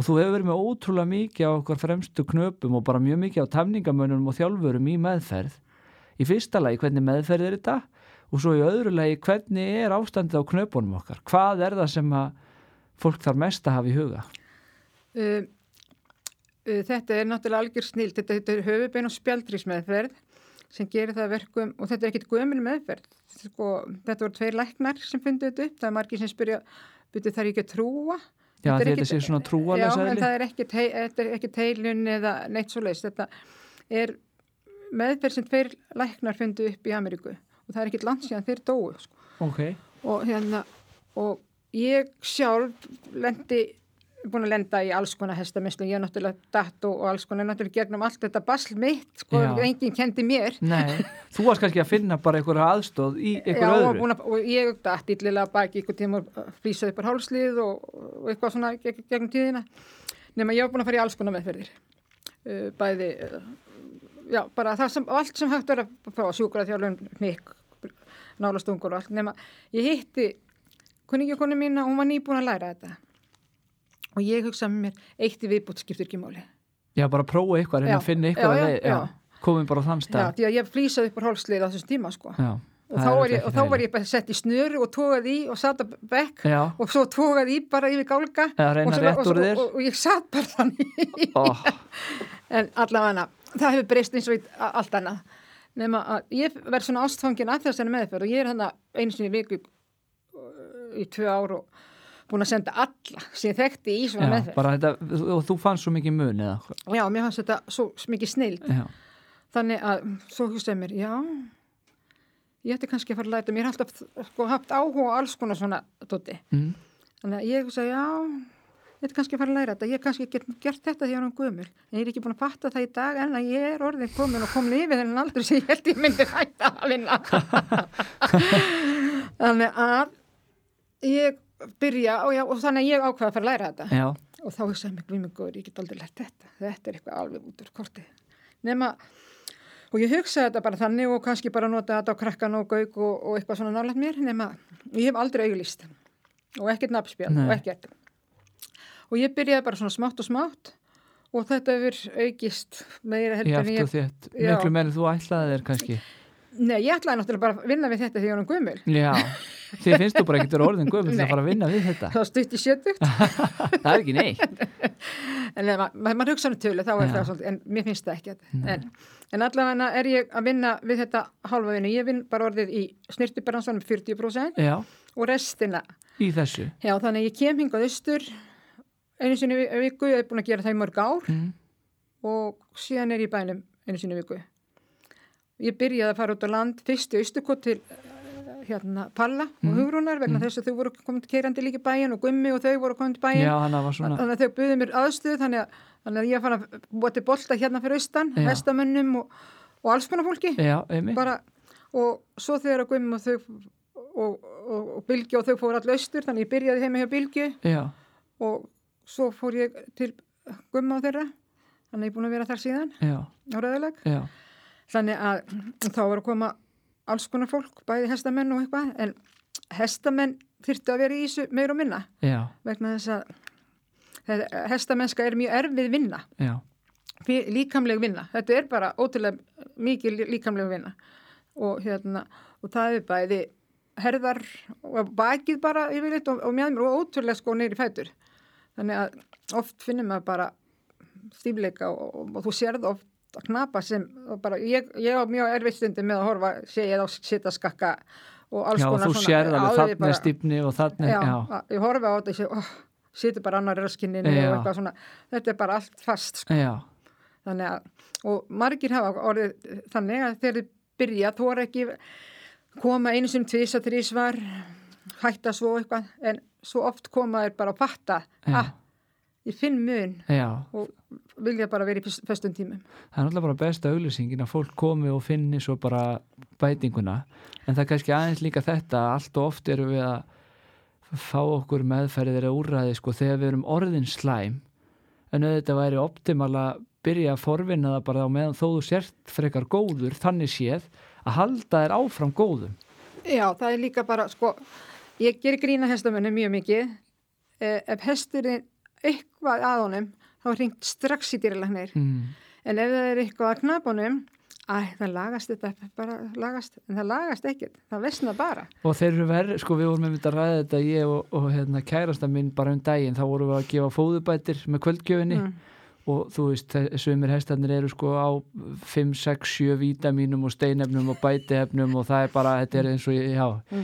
þetta er bara mjög fyndið oft að horfa á þeirra að vera að gefa hestunum sko, Já. það er svo margt sem þeir eru að fá, þú veist, það er biotín og biovitamín og játn og dari, rari, rari, sko og, og hérna, og svo eru við valla að nenna því að taka sko sig hverja vitamínspilluna á mótnana bara að því okkur líður bara ágætlega af hverju að vera að fá okkur þetta eða eitthvað skilur Já, og að fara sjálf, við, við sendum alla hesta eða eitthvað bara í blóðpröfu og annað Mm. en við höfum aldrei á æfinni farið sjálf í blóðpröfu eða, eða neitt því um líkt skilur og einmitt hestunum fyrir nikkingu og það er játningin og þú veist það er bara allt sko en að maður sjálfur sé eitthvað að þurfa að spá í sér það, það er maður ekkert að pæla í sko nei, þú ert ágætur, þú ert Já. ágætur og það er stundum, sko, og ég meina þú dettur að baki eh, og, og stendur upp og allt í lægi, en pælir ekkert í þú þurfum ekki að gera eitthvað í því. Nei. svo bara vestnar, byrju, akkur er ég svo slæmir í öxlinni eða akkur er ég slæmir í meðminni eða fættinum. og Það er- tengja það kannski ekki við, ég fannst það svo smáægileg Já, ég meina, all, öll högg, alveg saman hvað eru lítil, og, og það, það, það gerir eitthvað fyrir líkamann. Það bindur himnuna fasta, þannig að og það er bara safnast utan það. og mér finnst það svo áhugavert að því að hérna, við vorum í sumar fyrir algjörlega tilviljun að- að spjalla saman og, og þá datt ég, ég var mjög auðarlega Já, já. og það var ekki nokkuð séns að vera töffari það var bara hrikalega hallaristlegt ég bara datt hún í ykkur hólu Já, já. og þú varst við hliðin á mér og við vorum bara á algjör tilviljun og vorum hann að spjalla og þá datt ég svona og bara típist eins og ég hef mörgu sinnum dottið, er mjög góður í því og aldrei pælt í því og þá ymmit sagður þetta bara, já, herðu þú veist, þér er kannski ekki dílt en þetta getur alveg haft þau áhrif að koma ykkur svona ymmit stípla eða himna eða eitthvað og út frá því gæti alveg komið ykkur verkur eða að fara að beita þær eitthvað vittlaust og þá varum við þetta að hugsa bara, þú veist, hversu oft hefur maður ekki fengið alls konar högg sko, og rikki og, og bara sem að kannski einmitt er að hafa eitthvað svona smáæl áhrif sem bara á löngu tíma fara að hafa bara mjög stór áhrif Já, það er akkurat það sem gerist sko. Já. og þetta er svo oft hu- hugsa, eh, sko, asnalega hugsa því að svo eh, heyri ég eitthvað nú og já, ég er svo slæmur og eitthvað svona já,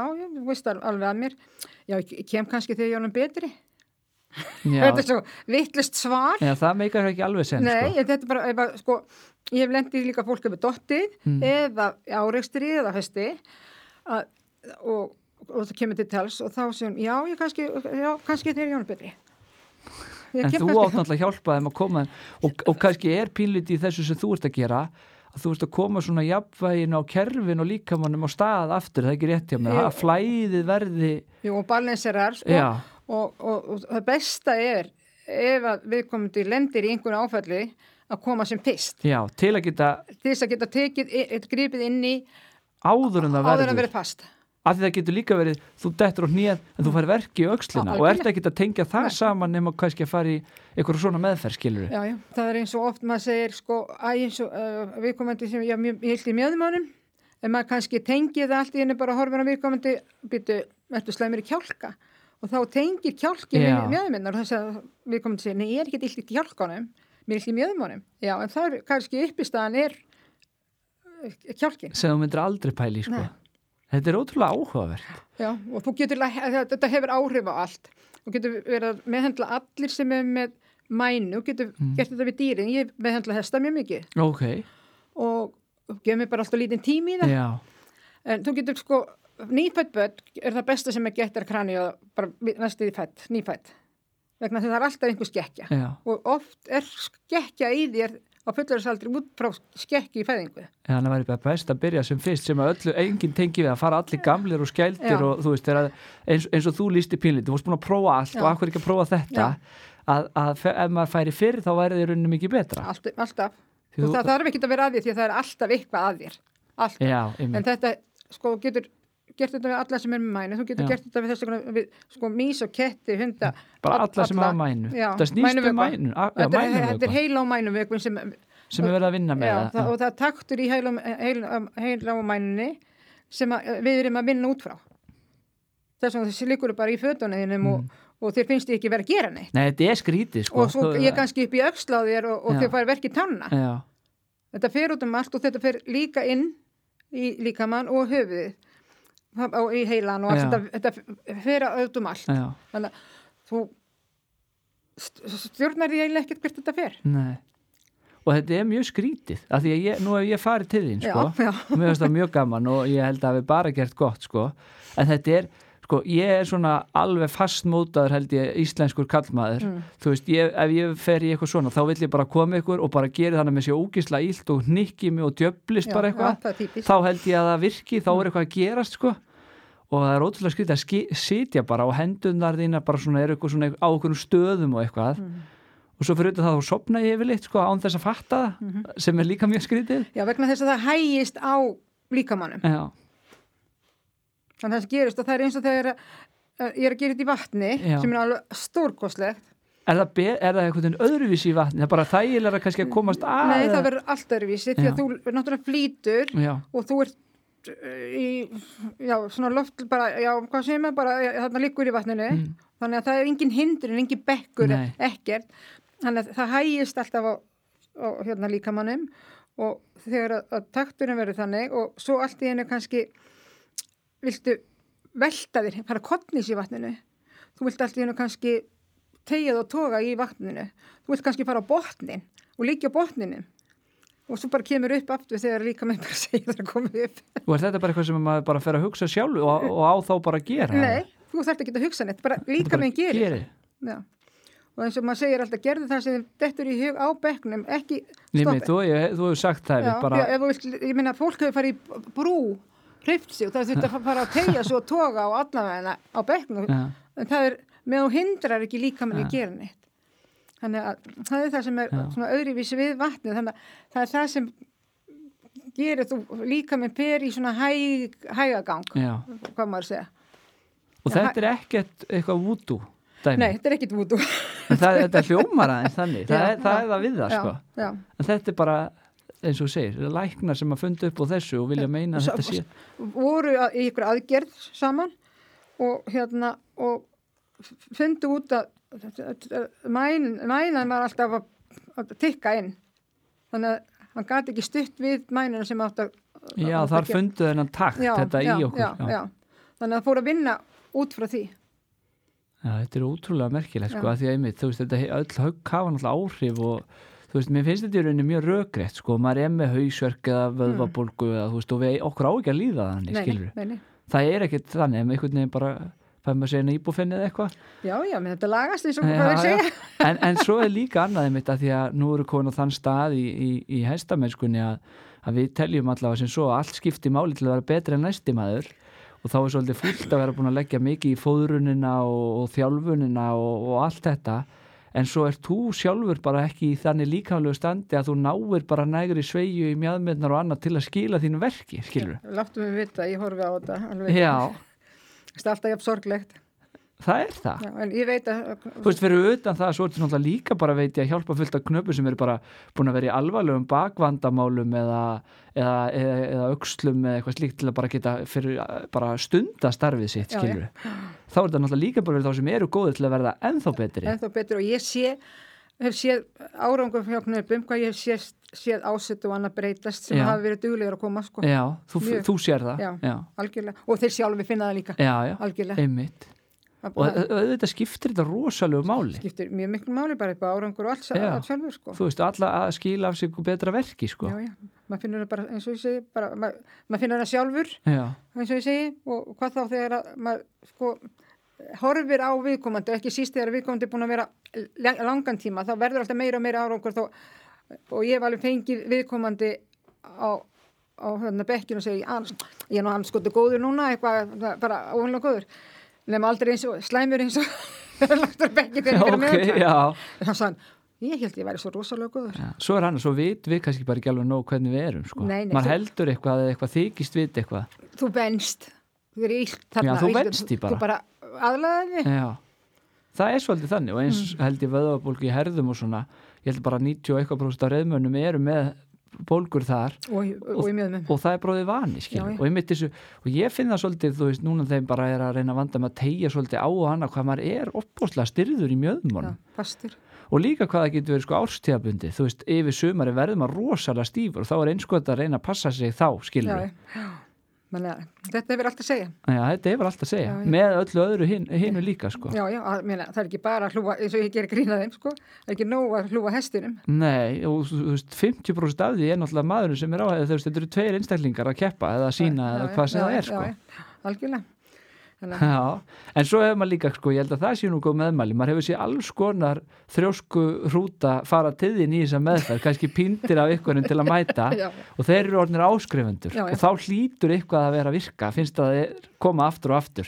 já, já, Það segir mér allavega heil mikið, sko. fólk, já, fólk sko, ég er, með, sko, ég er enn með kúnana mína frá fyrsti Já, Fyrst- það segir eitthvað, sko. Ég, ég fekk konu á bekki meðan ég var að læra og það var sem sagt, bara, hún var bara svo slæm bæki að þetta líka að bera hann upp á bekkin Já, Þa- þess vegna kom hún, svona hún að vissi að hvað ég var að læra og vildi lofa mér að hvort það var þetta að gera eitthvað hún er enn hjá mér uh, þetta var kona svona frekar uh, svona lit, lítið fyrir, fara fyrir sér og helst gekk svona niður með höfuð og var ekki láta neitt fara fyrir sér nema mér svo þetta var sannleitt hún er búin að vera 11 ár hjá mér síðan Já. 2003, 2002, 2003 sem ég vil læra þetta þessi kona hún segir að hún vildi aldrei hætta þetta er svo því besta sálfræði sem hún hefur farið já í gegnum líka, já. og hún er fann að ganga í rauðin skóm og hún er fann að uh, Já. ganga upprétt með höfuði og bara lífið bara vel, vel já, og hún getur ekki hugsað sér hætta nei. En það er líka það sem ég langa að, að ræða við þið sem ég finnst svo smitandi, sko, út frá þér að þú ert alveg sko hörku kona og segir bara nákvæmlega það sem þið finnst alveg saman hvort það er akkurat eitthvað sem að manni finnst líka eða ekki en, en sko þetta svona að bara reyna að hafa svolítið gaman að þessu skilur, að, við- að, að bara að við lifum bara í dag og bara eh, reynum að hafa það skemmtilegt að því að þú veist, það er búin alls konar verkefni krefjandi og erfið hjá þér eins og öllum bara já, já, já. en, en, en þú veist, mér veist svo geislaðir svona þessi bara lífsvilji og bara hafa þetta svolítið skemmtilegt og, og líka þetta bara að- að, að vera svolítið flott í tauginu og bara vera í eh, bleikum skóm og jökkum og Bleika keppnisjakkin er bleikur, skilur við já, já, já, hefur alltaf verið svona, já, ég held að bara svolítið náttúrulegt skilur við, Já, og bara uh, svolítið alltaf sagt það sem er finnst og Já. Gaukur var stundum að stíga á tærnar á mér já, já, já, það var, af því hann var svona meira tilbaka já.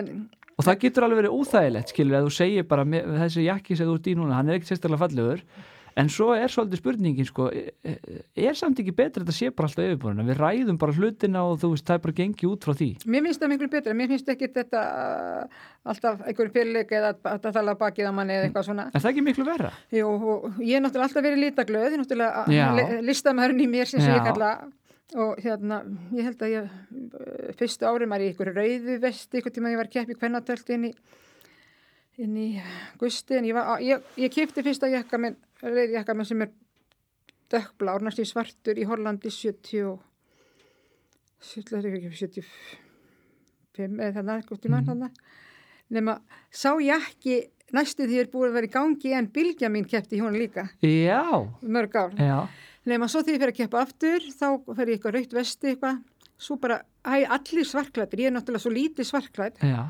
og hérna, og þannig að ég átti henn að bleika jakka og svo ég sagði, ég fer bara henn að bleika jakka. Og þannig að ég var í honum, og er í honum enn, Já, og hann er geggjaður og þannig að það var stelpa sem stoppaði mig því við vorum búin að, í úrslitum að reykja eitthvað mótinu og sagði, hvað er eiginlega búin að vera í þessum jakka lengi, minnst hann æðislega. Já, En ég ætla að vera að segja hann að brandara.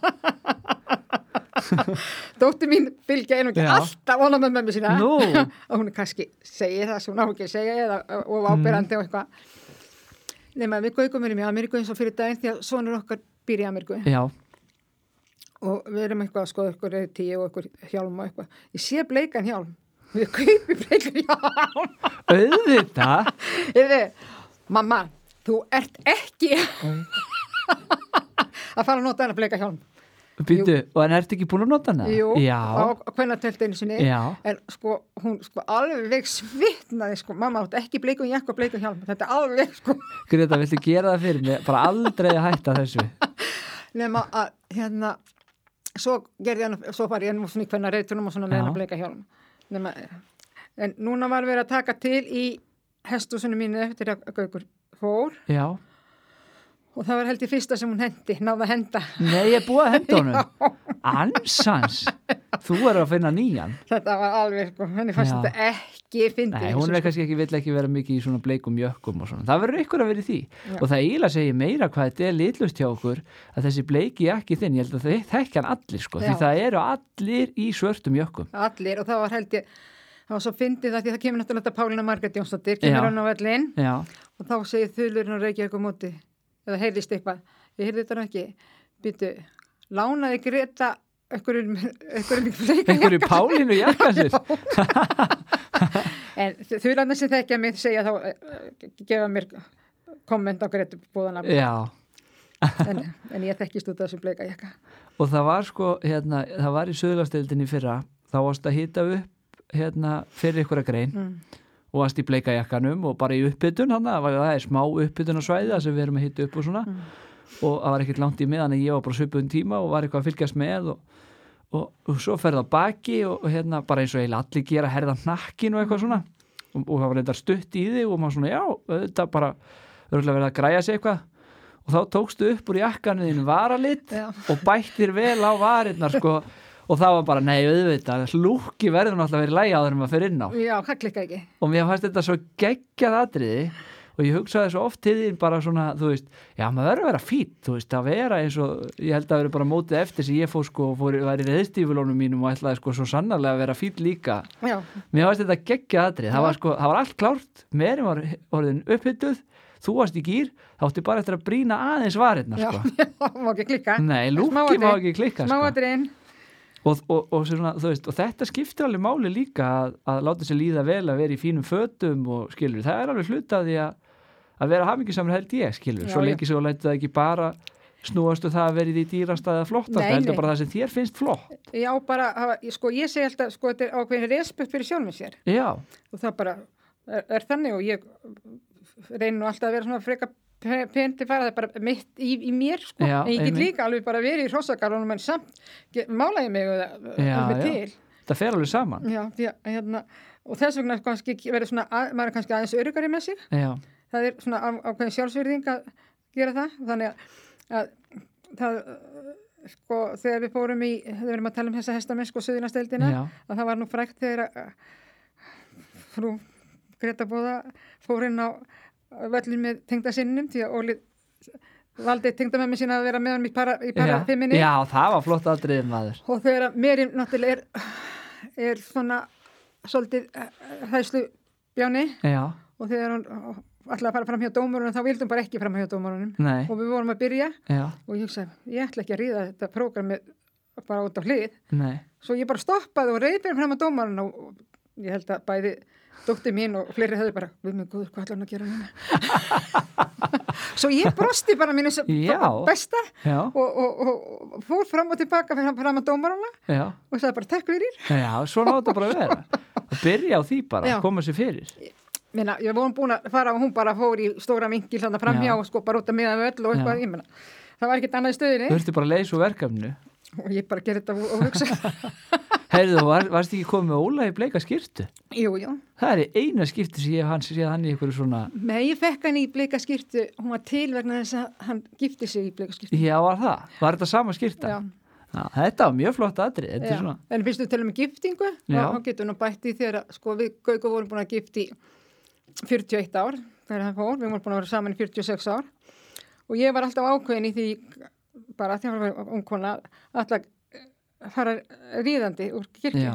Þetta var prækt, þetta er eiginlega eina skipti sem getur sagt að það var oft verið ríð um kirkju og fram og tilbaka já, en við giftum okkur 1979 í fríkirkjunni Hafnhörði og ég reið í söðli í brúðadressinu og í bandaskónum já og öllu dre- og dótinu og, og þá voru strákarnir sko Alli og Gunni Arnars og þessi strákar mikið að þvælast í kringum okkur út á bala Já, ég kendi a, a, kendi Alla að hleypa alla guðmunds. já, ég kendi honum að hleypa Já, auðvitað. Já, Þú það kendi var- líka Danna Jóns og Já. Sóló Mortens Já, og já. búin að fara við þetta með öllum þessum jólasunni. Já, já, ég er búin að kenna mörgum hlaupunum. Jæja, nema að við riðum úr kirkjunni, úr Hafnahöru kirkju, eða sem fríkirkjunni Hafnahöru og inn í Garðabæ og á Hafnahöruveginum. Bara, og það var til myndir, sko, einhver starf lakaði þetta út, því að ég setja nú ekki margir, þannig að þá kom blaðaljósmyndar og Já. þetta til í, í sko, Já, ok, þetta þarf ég að finna. Já, ég á náttúrulega fullt af myndum að þessu. Já.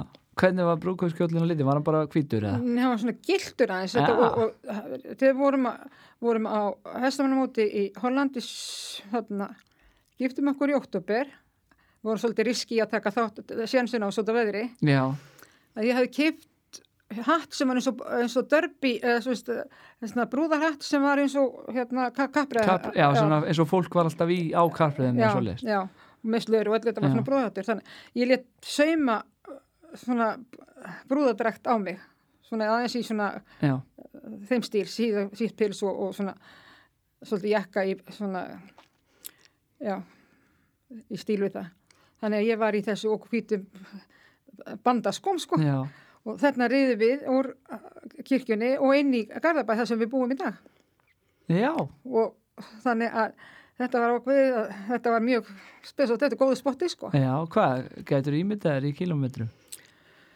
Nei, en, en þegar þú sér það að þetta er sko kirkjan neyri, neyri bæ Já, og við erum í Garðabæ, já, já, Garðabænum þetta er alveg dágóðu spöður. Já, já, það var bara, og og bílar, var veðri gott?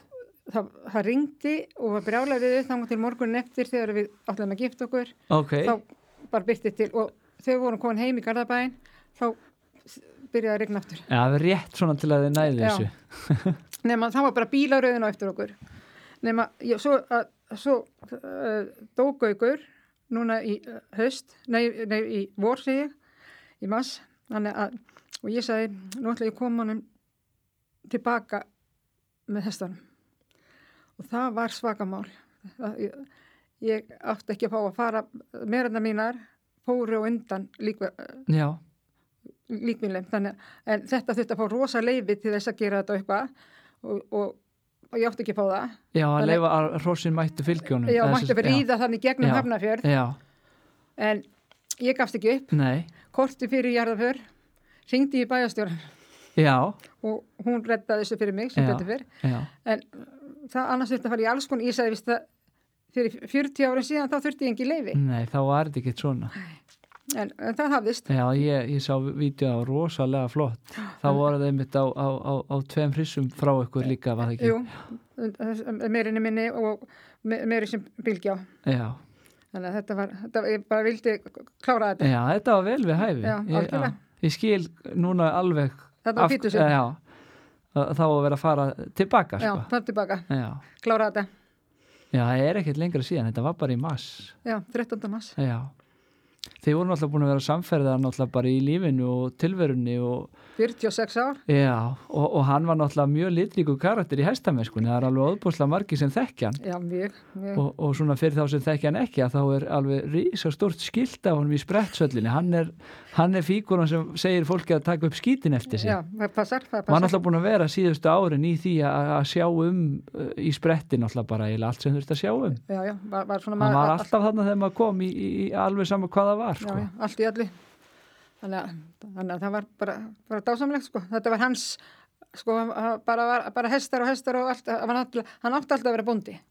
já, Hann var algjör bóndi. já hefðið þú geta farið í sveit eitthvað tíman eða? Ekki of koma til tals, en Mm. Já. sko, nei, ekki alveg, ég veit ekki akkur, ég maður bara kannski var svona pastur í því að vera í þessari leikúsvinni og eitthvað svona, þú Það veist. kannski hendaði eitthvað frekar svona ekki, þú veist eins og þetta var orðið núna í restina að geta bara heimsótt eh, hérna eitthvað út í sveit og svona Já, og já. verið svo í bænum þess á milli og, Þess vegna, er, sko, ég hefði alveg, alveg geta verið sveitakona líka, já, sko. ég er alveg efast ekki um það, þú er alveg geta gert það En eins ég og held annað að einu sinni, sko, hann vildi að- vildi náttúrulega alltaf fara austur að hérað og og við kerðum nú oft og, og einhvern tíma var einhver jörð í Hamasfyrði og hann sagði, já, þetta væri nú alveg bara rosa góð bújörð og eitthvað. Ég sagði, sko, ef þú fenni þá fer ég ekki með þér. Nei, það er kannski aðeins svo langt í burtu frá, frá Alveg. Sjanil og öllum maður. Ha, Já, ég sá meira fyrir mig sko, þú geti kannski verið í sko, einhvers staðar hérna bara, hérna á Já. Suðurlandi, já, já, eða kannski náttúrulega borganis eða einhvers staðar, Já, ekkert mjög langt frá einmitt Já, já. svona. já. Það þarf að vera bæði sko. Já, já. Það er nefnilega til bleikt rúluplast. já, já, Þannig að þú getur alveg farið í heiskap og já, já, alls konar. En svo er ég náttúrulega bara svo fasteld eins, sko, eins og Gaukur sagði, ég hafði aldrei farið að heimann því að Já. við byggðum á lóðinu heimi og pappa með mig. Já, og þetta er bara sama húsið. Þau Já, eru já. enn, þú, átt, þú ert ennþá í því Já, húsi. og pappi vil heiðin á mér, Já. nýræður. í fullu fjöri. eh, Já, og bara sk- alltaf með sama kallin og alltaf á sama, sama djöpunni, þannig Já, ég er mjög, mjög, þó þú sért svona æfintýragjörn, Já. þá ertu samt með svona fasta punta sem þú vilt ekkit breyta. neini, svona stabilitet. Já. Svo náttúrulega sko Bilgja Gauksdóttir, náttúrulega dóttið þín sem mm. margir þekkja, svona atunu, knappi og sínandi og, og keppniskona. Uh, var hún eina af börnunniðinu sem fór eitthvað í hestamennsku eða? N- ja, Já, þannig, en þau hafa öll verið svona gaman að fara hestum, strákurinn sem, sko, hann Mm. hafði gaman að ríða út og, og, og var, hafði tilfinningu fyrir því, en það var fótbolti þar, Já. svo fyrir hann til Ameríku. Já, Uh, Bylgja og Hrönn saman voru að keppa til skipta saman alltaf og voru voru að slást um hvora verið betri. já, og Bilgja var bara a- a- harðari og Bilgja gekk alltaf á fjórum fótum sem krakki sko. já, Hún þetta hefur var bara alltaf hestur. verið í henni, Mm. hún hefur verið eins og þú. Já, alltaf verið hestur Já. og hún var fljótt send í sveit til Rikka, Sigríks og, og, og Siggu Já, þarna já. norður í hérna Skafafjörð Já, hún var bara held í nýjóra, tíjóra þegar hún byrjaði að fara þangað. Já. og var þar mörg, mörg sömur Þannig að það er aldrei neitt annað komið til greina hjá henni heldur en hestamennskan. Nei. en Hrönn er mjög lægin á hestum sko, Já, og finnst gaman en já. hefur svona aðeins farið út í aðra sálma, Aðra en- sálma. en finnst þetta algjör dæði sko. hún er, finnst þetta gaman en, en Bilgja var alltaf þetta var bara, Já. Svo er komin ykkur óskupa barnabönnum líka. já já það, Ekkert komið í ljós með þau, með, með hestamennskuna. mér heyrist nú litli búði vera bara ykkur vilakall en ég geti hugsað að nafna mín Greta Marja Já, já, að hún er þið nú ykkur hesta. já, já, hún svona horfur öðruvísi á dýrin heldur en búði, hann er ykkur vilakall já. gæti verið krakkarnir en hrannar það er ekki, já, viðstu, svona kannski alveg geta þannig að það er kannski að þetta haldi áfram já, það geta alveg verið. Hva- Hvað er, hva er framönda hjá Pálínu Margreti?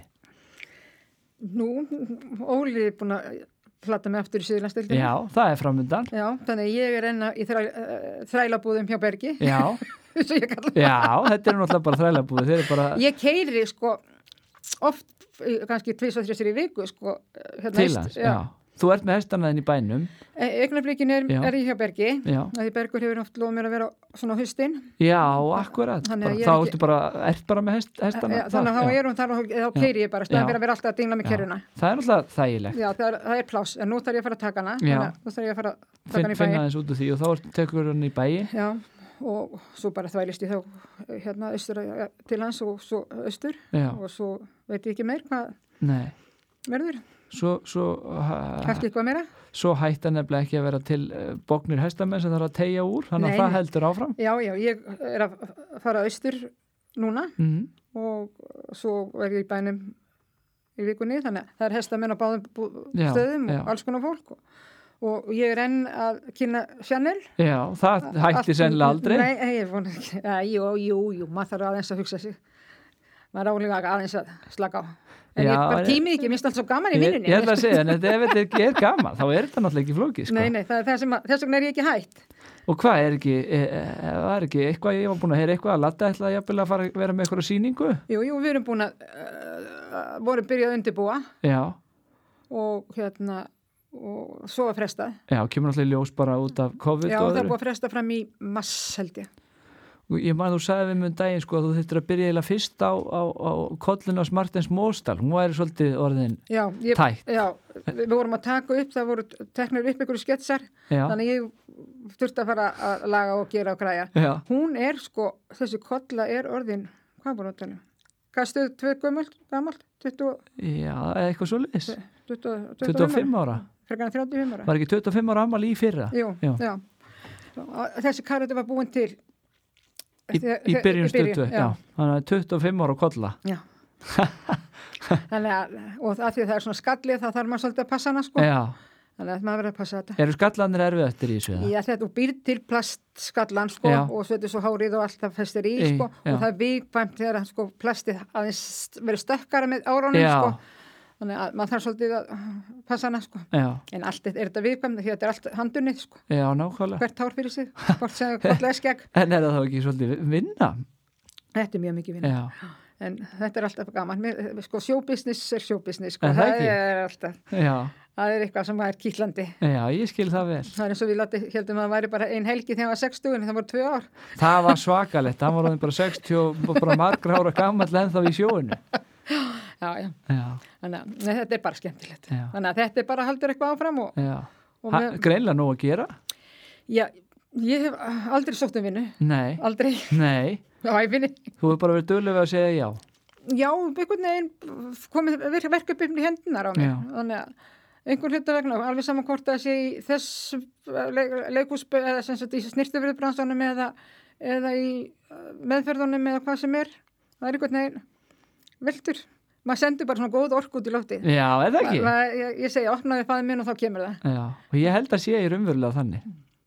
Og segi kannski aðeins um þig fyrir þá sem eru að hlusta að, að þú komst hingað til mín og ert með, með þér hérna gjöf sem þú ert að græja fyrir, fyrir örvæntan hestamann sem er að græja 35 ára amaliskjöf fyrir konuna sem þú ætlar að koma á hann hérna á milli atriða hjá Já. okkur og þú veist það er greinlega allt í gangi sko. Já, ég meina, menn ringja í mig bara eitthvað tíma fyrir jólin, Er, er vinsælt að ringi þið þá? já, og bara græja og laga og gera og bara, Já, þannig að það er ímislegt sem að gerist fyrir hestamenn, heldur það er betur. ekki bara að setja á bekkið, Það er, það, er, það er bara að passa upp á skrokkin og Já. lúkið og, og, og gleðina. já, já, og auðinkonunar, Já, já, dásamlegt, þetta er bara, eins og ég segi, ég væri svona, að því að það er oftur að spyrja, allar ekki að fara hægt og það er eins og komin á aldur og eitthvað svona, það er bara tímið ekki, nei bara alls ekki hætta. næ, þú bara, klæðir þú upp og hittir skemmtilt fólk og, og bara nýtur þess, Og það ég veit ekki hvað ég, ég segi, hvað á ég að gera ef ég er ekki í vinnunni, Já, einmitt. Ha. Hvað hva, hva ættir að vera að gera þá? Já, nei. Já, eins og bara ef ég hitt svo, það er svo skemmtilegt einhvern veginn svona þegar að þessi tími kom eins og í vor þá fannst mann að standa svona einn einhvern veginn Mm, en það er svo ótrúlega mikið af dásamlegu fólki þann úti mm, og fullt af fólki sem er búin að taka mig fóstur og ég er fólk sem að var fólk eh, þekkti gaug miklu meir heldur en mig mm. þannig að En heldur það sé ekki einmitt þetta að því þú ert eins og þú ert að þá kannski sæki fólki í það einmitt að, að þegar maður þarf hjálp og annað að, að þá langar fólki bara að koma og vera með og það kann kannski, bara takk fyrir það já, og eins og ég segi það eins og ég segi það var fólk, kunningja fólk gott sem tók mig svona í já, fóstur þannig að ég fekk að vera með meirina hjá þeim í allt sumar já, og svo buðuðu mér að vera hjá sér áfram í myndur já, þannig að ég ákvaði að leiði hestúsum mitt og já, vera bara með að seina mér í já, að því kannski svolítið mikið fyrir því að vera með heilt estús. já og þá ætti ég að taka afstöðu að fara að gefa og, og, og græja og Já. eitthvað þannig að þau eru með stórt hestús og, og, og, og leiði ekki söðu en þau Nei. myndum við gætna lofa mér að vera Já, þannig að ég segist ekki að gera grínaði stundum þeir eru búin að taka mig í fóstur já, þannig að það er bara dásamlegt að því að ég var, það var Gaukur ekkert þekkti að... þetta var vinna fólk Gauks miklu meira heldur en Já. við þekktu þetta þannig. að- En, en, en einmitt þetta sko og, og, og, og hans er stutt síðan en sko allavega svona utanfrá séð sko að, að, að þá finnst mér svo heilbreykt einhvern veginn hvernig þú hefur tekist á það að, að, að, að halda þínu striki og, og, og sko og, og, og vera að gera það sem þér finnst skemmtilegt og, og, og hérna, ég man nú að bara mjög stuttlega eftir að hann fór sem að ykkur grein var í, í, í söðlarstildin og þú varst bara mætt og ætlaði bara að keppa og, og, og ég held að sé auðvitað mikilvægt að, að, að taka því svo bara og, og allt það sko og örgulega hefur gert það en, en þetta hætti ekki bara því sem manni finnst skemmtilegt Nei, ég bara sko, og hvað hefði hann viljað? Þú hann hefði náttúrulega viljað að vera að gera skemmtilega hluti eða ekki Jú, skilur? hann hefði ekki viljað sko, við erum bara saman hann að í höllina að æfa á föstudeginum, svo deyr hann á lögutismótninni Já, og, og keppninu á þriðudeginum. Þannig að ég hugsaði þetta bara mjög stípt, að allir fylgdu að ég myndi ekki gera þetta. Ég sagði, Gaukur hefði aldrei viljað að ég myndi hætta við. nei, Nei, hann, sko, við vorum búin að leggja mikla vinn í þetta og gera og græja og ég meina, ég hugsa að þetta væri hans, ég hugsa að margir hefði átt me- eh, erfiðara heldur en ég, sko, að því ég var kannski bara búin að setja mig í þessa stellingu Já. og hugsa þetta og gera og græja, þannig að mér fannst aldrei neitt annað koma til greina. og meira og einmitt maður hugsa kannski eiginlega frekar svona hugsa til hans einmitt að honum finnst það gaman að halda þú veist, h- hann hefði ekki viljað að þú væri bara eh, eh, lokað að þér og bara í marga mánuðið að skilu þetta vildi hann sjá þið mest vera bara blómstra eins og þú ert að gera sko Já, já, ég meina, hann fylgdi mér í gegnum þetta, kerði mig og græjaði og, og, og, svo að ég fór að æfa mig út í reyðhöllinni upp í spretti í litlu höllinni þarna sem bara verið klíðan á hestúsunni og þá kom hann með mér Já. til þess að bara, þú veist, fylgja það, þannig, að- þannig að það hefði aldrei hann að koma til greið. nei, að því maður er svo mjög trúið einmitt, þetta, honum fannst þetta allt jafn skemmtilegt og þér Já, já, að vera að hann fara að keppa og, og, og halda áfram og gera eitthvað og kynna snirtiverur og bara allt sem hann er dettur í hug sko Já, já, já, já, með, eins og þessi, það er engin ástæð, bara, eh, að gera þetta engin fyrir mann. nei, En svo pappi minn segir, ef ég gerir þetta ekki sjálf, það gerir þetta engin. það er Og bara hann, þannig hann er nýr og hann fyrir rektin á hverjum degi, já, valdklass bara Já. á hverjum degi. Hann segir, grjótarður Já, já, þið eru ekki að líka í rúmunu. Nei, Til hvers að gera það? Það segi ég líka, betur, hvað á ég að gera ef ég hætti öllu? Ég er ekki típan í það. og er það eftirsóknarvert? Ég held ekki. Mér Þessum er er svo ekki. skrítið svo margir að hugsa um sko að það er svo gott að geta hætt að vinna Mm. og hætta og hvað ætlar þá að fara að gera? Húst? Maður, svo er maður inni hálfan dag í vondu veðri eða hálf veikur eða eitthvað, maður er alveg brjála það er ekkert gaman að vera bara heim og gera ekki neitt sko. Nei, ég sé enga á, á, á, ég sé enga á hana. Nei. Þannig að ég er mjög, sko, ég verð óróleg ef ég er eitthvað lengi að gera ekki neitt. eða þú hefur ekki eitthvað Mm. fyrir Já, stafni já. Greta Bóða, haldt þú bara áfram að segja já og veri í bleiku og ég ætla, við þurfum að finna nýjan bleikan hjálm fyrir því, það er næsta verkefni ha, Heldur heldur að fylgja verið ána með þig? Já, sérstaklega út af því ég frétti það, þá þurfum við að gera eitthvað í þessu Takk kærlega fyrir spjallið Summulegis, þetta var rosa skemmtilegt. og bara gangi þér áfram vel í þínu verkefnum hvar geta svona örvæntingafullir eiginmenn og, og, og, og aðri svona haft samband við þeim með snirtuvörur eða eða, eða upp bak eða Það er bara Greta Bóða, það er bara einn til. Það er bara einn já, Greta ég komst Boða. nefnilega að því, já, punkturins, það er bara einn grétta bóða, Já, og á Facebook. takk fyrir kella Ok, hefðu góðan dag sem leiðis.